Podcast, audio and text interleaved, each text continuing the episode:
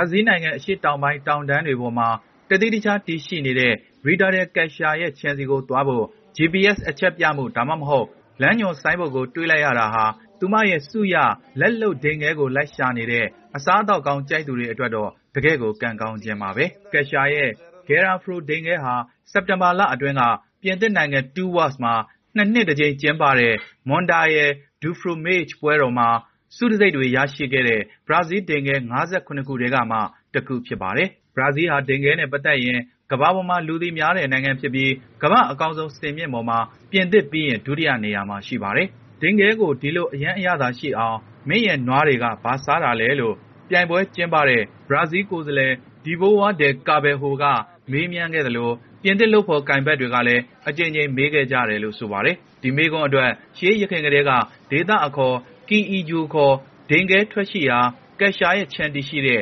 Minas Gerais ပြည်နယ် ကျေးလက်ဒေသမှာ အဖြေတချို့ သိုဝှက်ထားပါတယ်။ဒီဒေသမှာ လွန်ခဲ့တဲ့ ရာစုနှစ်သုံးခုလောက်က ရွှေတူးဖော်ဖို့အတွက် နယ်ပယ်သစ်ရှာဖွေသူတွေ အခြေချနေထိုင်ခဲ့ပြီး ၂၀ ရာစု အစောပိုင်းမှာ အနီးအနားက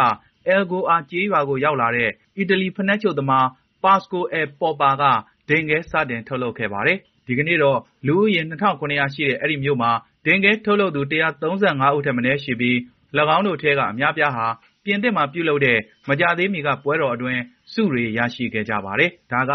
Alagoas မြို့အတွက် အစားအသောက်ဆိုင်ရာ ခရီးသွားလုပ်ငန်းကို ဖန်တီးပေးနေပြီး ယခင်က တိတ်ဆိတ်တဲ့ လမ်းမတွေပေါ်မှာ အီဖဲမျှော်စင် ပုံစံငယ်တွေနဲ့ အလှဆင်ထားတဲ့ဒိန်ခဲဆိုင်တွေနဲ့ အစားအသောက်ဆိုင်ရာ မြို့တော်အဖြစ် ပြောင်းလဲလာခြင်းကို ဂုဏ်ယူစွာ ပြသလျက်ရှိပါတယ်။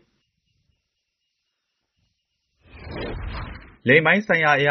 အရွယ်ရောက်လာတဲ့ ခြင်္သေ့မ တကောင်ကို သားကြောဖြတ်သင်းကွပ်ဖို့အတွက် လုပ်ဆောင်နေပြီ ဖြစ်ပါတယ်။ဒါဟာ တောင်အာဖရိကရဲ့ ဒီလိုသေးငယ်တဲ့ စားကျက်မြေတခုထဲက သူမရဲ့ အဖေနဲ့ ဦးလေးတွေဖြစ်တဲ့ ခြင်္သေ့ထီးသုံးကောင်နဲ့ မိတ်လိုက်ခြင်းကနေ ကာကွယ်ဖို့ ဖြစ်ပါတယ်။ဒီလို ကြိုးဝိုင်းတွေဟာ တောင်အာဖရိက တနိုင်ငံတည်းမှာတင် ခြင်္သေ့အကောင် ၇၀၀ လောက်ကို ကာကွယ်ထားပေမယ့် အကောင်ရေ အလွန်အကျွံ မျိုးပွားခြင်းကနေ ရှောင်ရှားနိုင်ဖို့ ဂရုတစိုက် စီမံခန့်ခွဲဖို့ လိုပါတယ်။ သဘာဝအခြေအနေအရ အထီးတွေကိုအခြားအထီးတွေနဲ့ အစားထိုးလို့ မရပါဘူးလို့ အမိုးဖွင့် ဆာဖာရီကားရဲ့ ဘီးတွေကို ကိုင်ထားတဲ့ မန်နေဂျာ Kevin Leo Smith က ဆိုပါတယ်။ခြင်္သေ့တွေဟာ ကြီးမားတဲ့ ကြိုးဝိုင်းတွေမှာ ဟက်တာ ၁၂,၀၀၀ ခန့်အထိအောင် ကျက်လည်းကျက်စားကြပါတယ်။စားကျက်မြေ စိုးမိုးမှုအတွက် ဂုဏ်ယူဝင့်ကြွားစွာ တကောင်နဲ့တကောင် ယှဉ်ပြိုင် တိုက်ခိုက်ကြတဲ့ စရိုက်ကြောင့် အားကြီးသူတွေသာ အသက်ရှင်ကျန်ရစ်ပါတယ်။ ခြင်္သေ့ပေါက်လေးတွေကို အခြားသားရဲတွေက ဖမ်းဆီးစားသောက်ကြသလို အရွယ်ရောက်ပြီး ခြင်္သေ့အထီးတွေကလည်း အချင်းချင်း ကိုက်တတ်ကြပါတယ်။ဒါပေမယ့် Reed Spring ဥယျာဉ်ကြိုးဝိုင်းအတွင်းက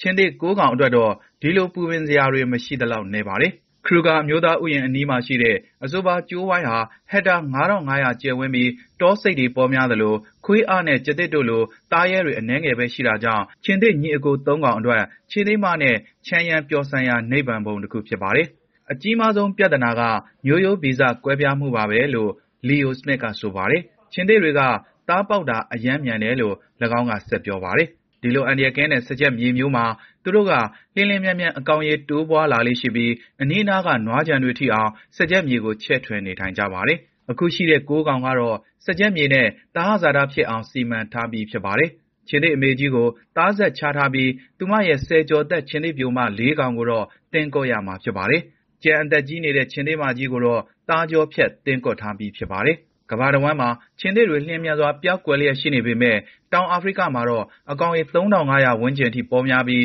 တိုးပွားလာကာ ကမ္ဘာ့ခြင်္သေ့ကောင်ရေ စုစုပေါင်းရဲ့ ၁၇ ရာခိုင်နှုန်းခန့် ရှိတယ်လို့ ဆိုပါတယ်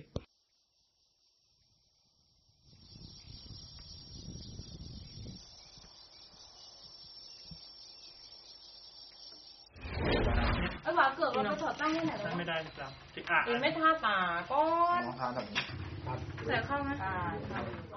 ပန်းတီးဆေးတွေနဲ့စီချယ်ထားတဲ့ဝတ်စုံတွေနဲ့ကခြေသည်တွေကငှက်ကလေးတွေလိုကိုယ်ဟန်ပြကပြကြတဲ့ထိုင်းနိုင်ငံတောင်ပိုင်းက Nora လို့လူသိများတဲ့ဖျော်ဖြေရေးအနုပညာအကပြဇာတ်တခုကိုယူနက်စကိုရဲ့ဂုဏ်သိက္ခာရှိတဲ့အမွေအနှစ်စာရင်းမှာဒီဇင်ဘာလ၁၅ရက်ဗုဒ္ဓဟူးနေ့ကထည့်သွင်းခဲ့ပါတယ်။ကခုန်ခြင်း၊ သီဆိုခြင်းနဲ့ ဇာတ်ကြောင်းပြောခြင်းတို့ကို ပေါင်းစပ်ထားတဲ့ အဆိုပါ သဘင်အနုပညာပုံစံဟာ အိန္ဒိယမှာ အခြေခံခဲ့ပြီး ထိုင်းနိုင်ငံရဲ့ မွတ်စလင်အများစုနေထိုင်ရာ တောင်ဘက်အစွန်းပိုင်း ပြည်နယ်တွေမှာရာစုနှစ်နဲ့ချီပြီး ရိုးရာဓလေ့အဖြစ် ကပြခဲ့ကြပါတယ်။ဖျော်ဖြေတင်ဆက်မှု အကြောင်းအရာအနေနဲ့ အကပြဆက်နာမည်အဖြစ် အတူကောက်နာမည်ပေးထားတဲ့ လူသားတစ်ဝက်ငှက်တစ်ဝက် မင်းသမီးမန်နိုရာကို ကယ်တင်ဖို့ ကြိုးစားတဲ့ ဒေသခံမင်းသားတဦးရဲ့အကြောင်းကို ပုံမြင်ဇလန်းအတွင် ကပြတင်ဆက်ခြင်းဖြစ်ပြီး အထူးကောင်းမွန်တဲ့ အဆိုပါကပွဲမျိုးဟာ ၃ ရက်အထိ တာရှည်နိုင်ပါတယ်။နိုင်ငံတောင်ပိုင်းက ရွာကလေးတွေရဲ့ စုပေါင်းပွဲတော်တွေမှာပဲ တွေ့ရလေရှိတဲ့ အဆိုပါ အကပြဆက်ကို ထိုင်းနိုင်ငံရဲ့ ယဉ်ကျေးမှု အမွေအနှစ်အဖြစ် UNESCO က ဗုဒ္ဓဟူးနေ့မှာ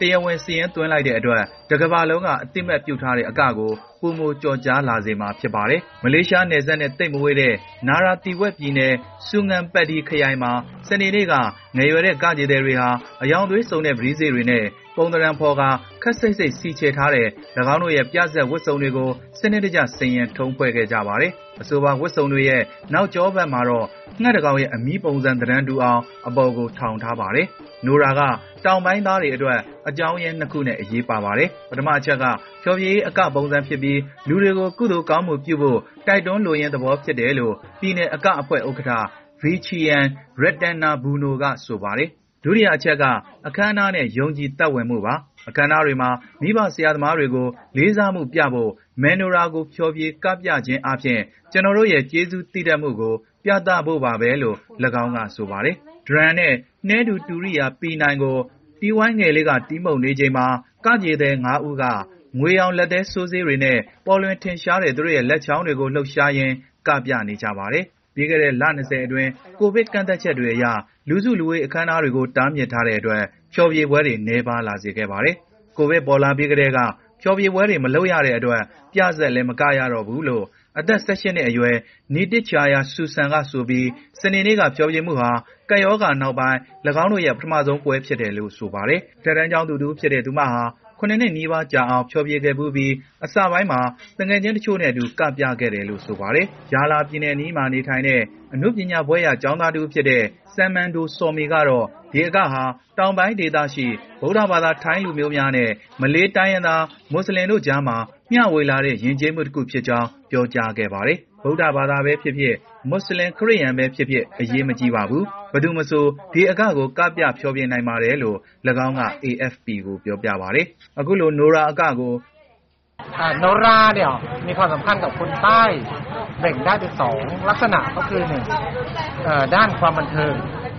ယူနက်စကို စာရင်းသွင်းခြင်းနဲ့ ပတ်သက်ပြီး အရမ်းဝမ်းသာမိပါတယ်။ထိုင်းယဉ်ကျေးမှု အနုပညာအားလုံးကို ကမ္ဘာက အသိအမှတ်ပြုစေချင်ပါတယ်"လို့၎င်းက ဆိုပါတယ်။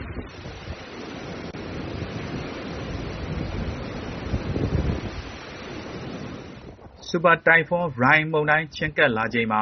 ဖိလစ်ပိုင် ကမ်းခြေစောင့်တပ်နဲ့ ဒေသတွင်း အာဏာပိုင်တွေဟာဘိုဟိုစီရင်စုအလယ်ပိုင်း မိုကာပေါက်ကျွန်းနေ ပြည်သူတွေကို ဘေးလွတ်ရာကို ပို့ဆောင်ပေးနေရပါတယ်။ဒီဇင်ဘာလ၁၆ ရက် ကြာသပတေးနေ့မှာ Rai လို့ အမည်ပေးထားတဲ့ စူပါတိုင်ဖွန်းမုန်တိုင်း ဖိလစ်ပိုင် ကုန်းတွင်းပိုင်းကို ဝင်ရောက်လာချိန်မှာ လူပေါင်းထောင်ချီဟာ ပင်လယ်ကမ်းခြေ အပန်းဖြေစခန်းတွေနဲ့ နေအိမ်တွေကို စွန့်ခွာ ထွက်ပြေးခဲ့ကြပါတယ်။မုန်တိုင်းဟာ ကုန်းတွင်းပိုင်းကို ဝင်လာချိန်မှာ အမြန်ရထားတစင်းရဲ့ အရှိန်နှုန်းနဲ့ ကမ်းခြေကို ဝင်ရောက်တိုက်ခိုက်မယ်လို့ ကြေညာချက်ထုတ်ပြန်ထားတာ ဖြစ်ပါတယ်။တိုင်ဖွန်း Rai ဟာ မွန်းလွဲတနာရီခွဲကစီယာဂါအိုကျွန်းတောင်ပိုင်းကို တနာရီ မိုင် ၁၂၀ နှုန်းနဲ့ ဝင်ရောက်တိုက်ခတ်ခဲ့ကြောင်း ပြည်နယ် မိုးဇလဌာနက ဆိုပါတယ်။ဒီနှစ်အတွက် သဘာဝဘေးအန္တရာယ်ထူပြောတဲ့ ဖိလစ်ပိုင်ကို ဝင်ရောက်တိုက်ခတ်ခဲ့တဲ့ အဆိုပါမုန်တိုင်းဟာ အင်အားအပြင်းဆုံး ဖြစ်ပါတယ်။အဆိုပါမုန်တိုင်းကြောင့်အပြတ်စွမ်းအားကြီးတဲ့ လေပြင်းတွေ တိုက်ခတ်မှာဖြစ်သလို နိုင်ငံနဲ့အဝှမ်း မိုးကြီးရေလျှံမှုတွေနဲ့အတူ မြေပြိုမှုတွေ ဖြစ်ပေါ်ကာ အိုးအိမ်နဲ့ စိုက်ခင်းပေါင်းများစွာ ပျက်စီးစေမှာ ဖြစ်တယ်လို့ မိုးဇလဗျူရိုက ဆိုပါတယ်။ဘေးလွတ်ရာ ရွှေ့ပြောင်းပေးရသူတွေထဲမှာ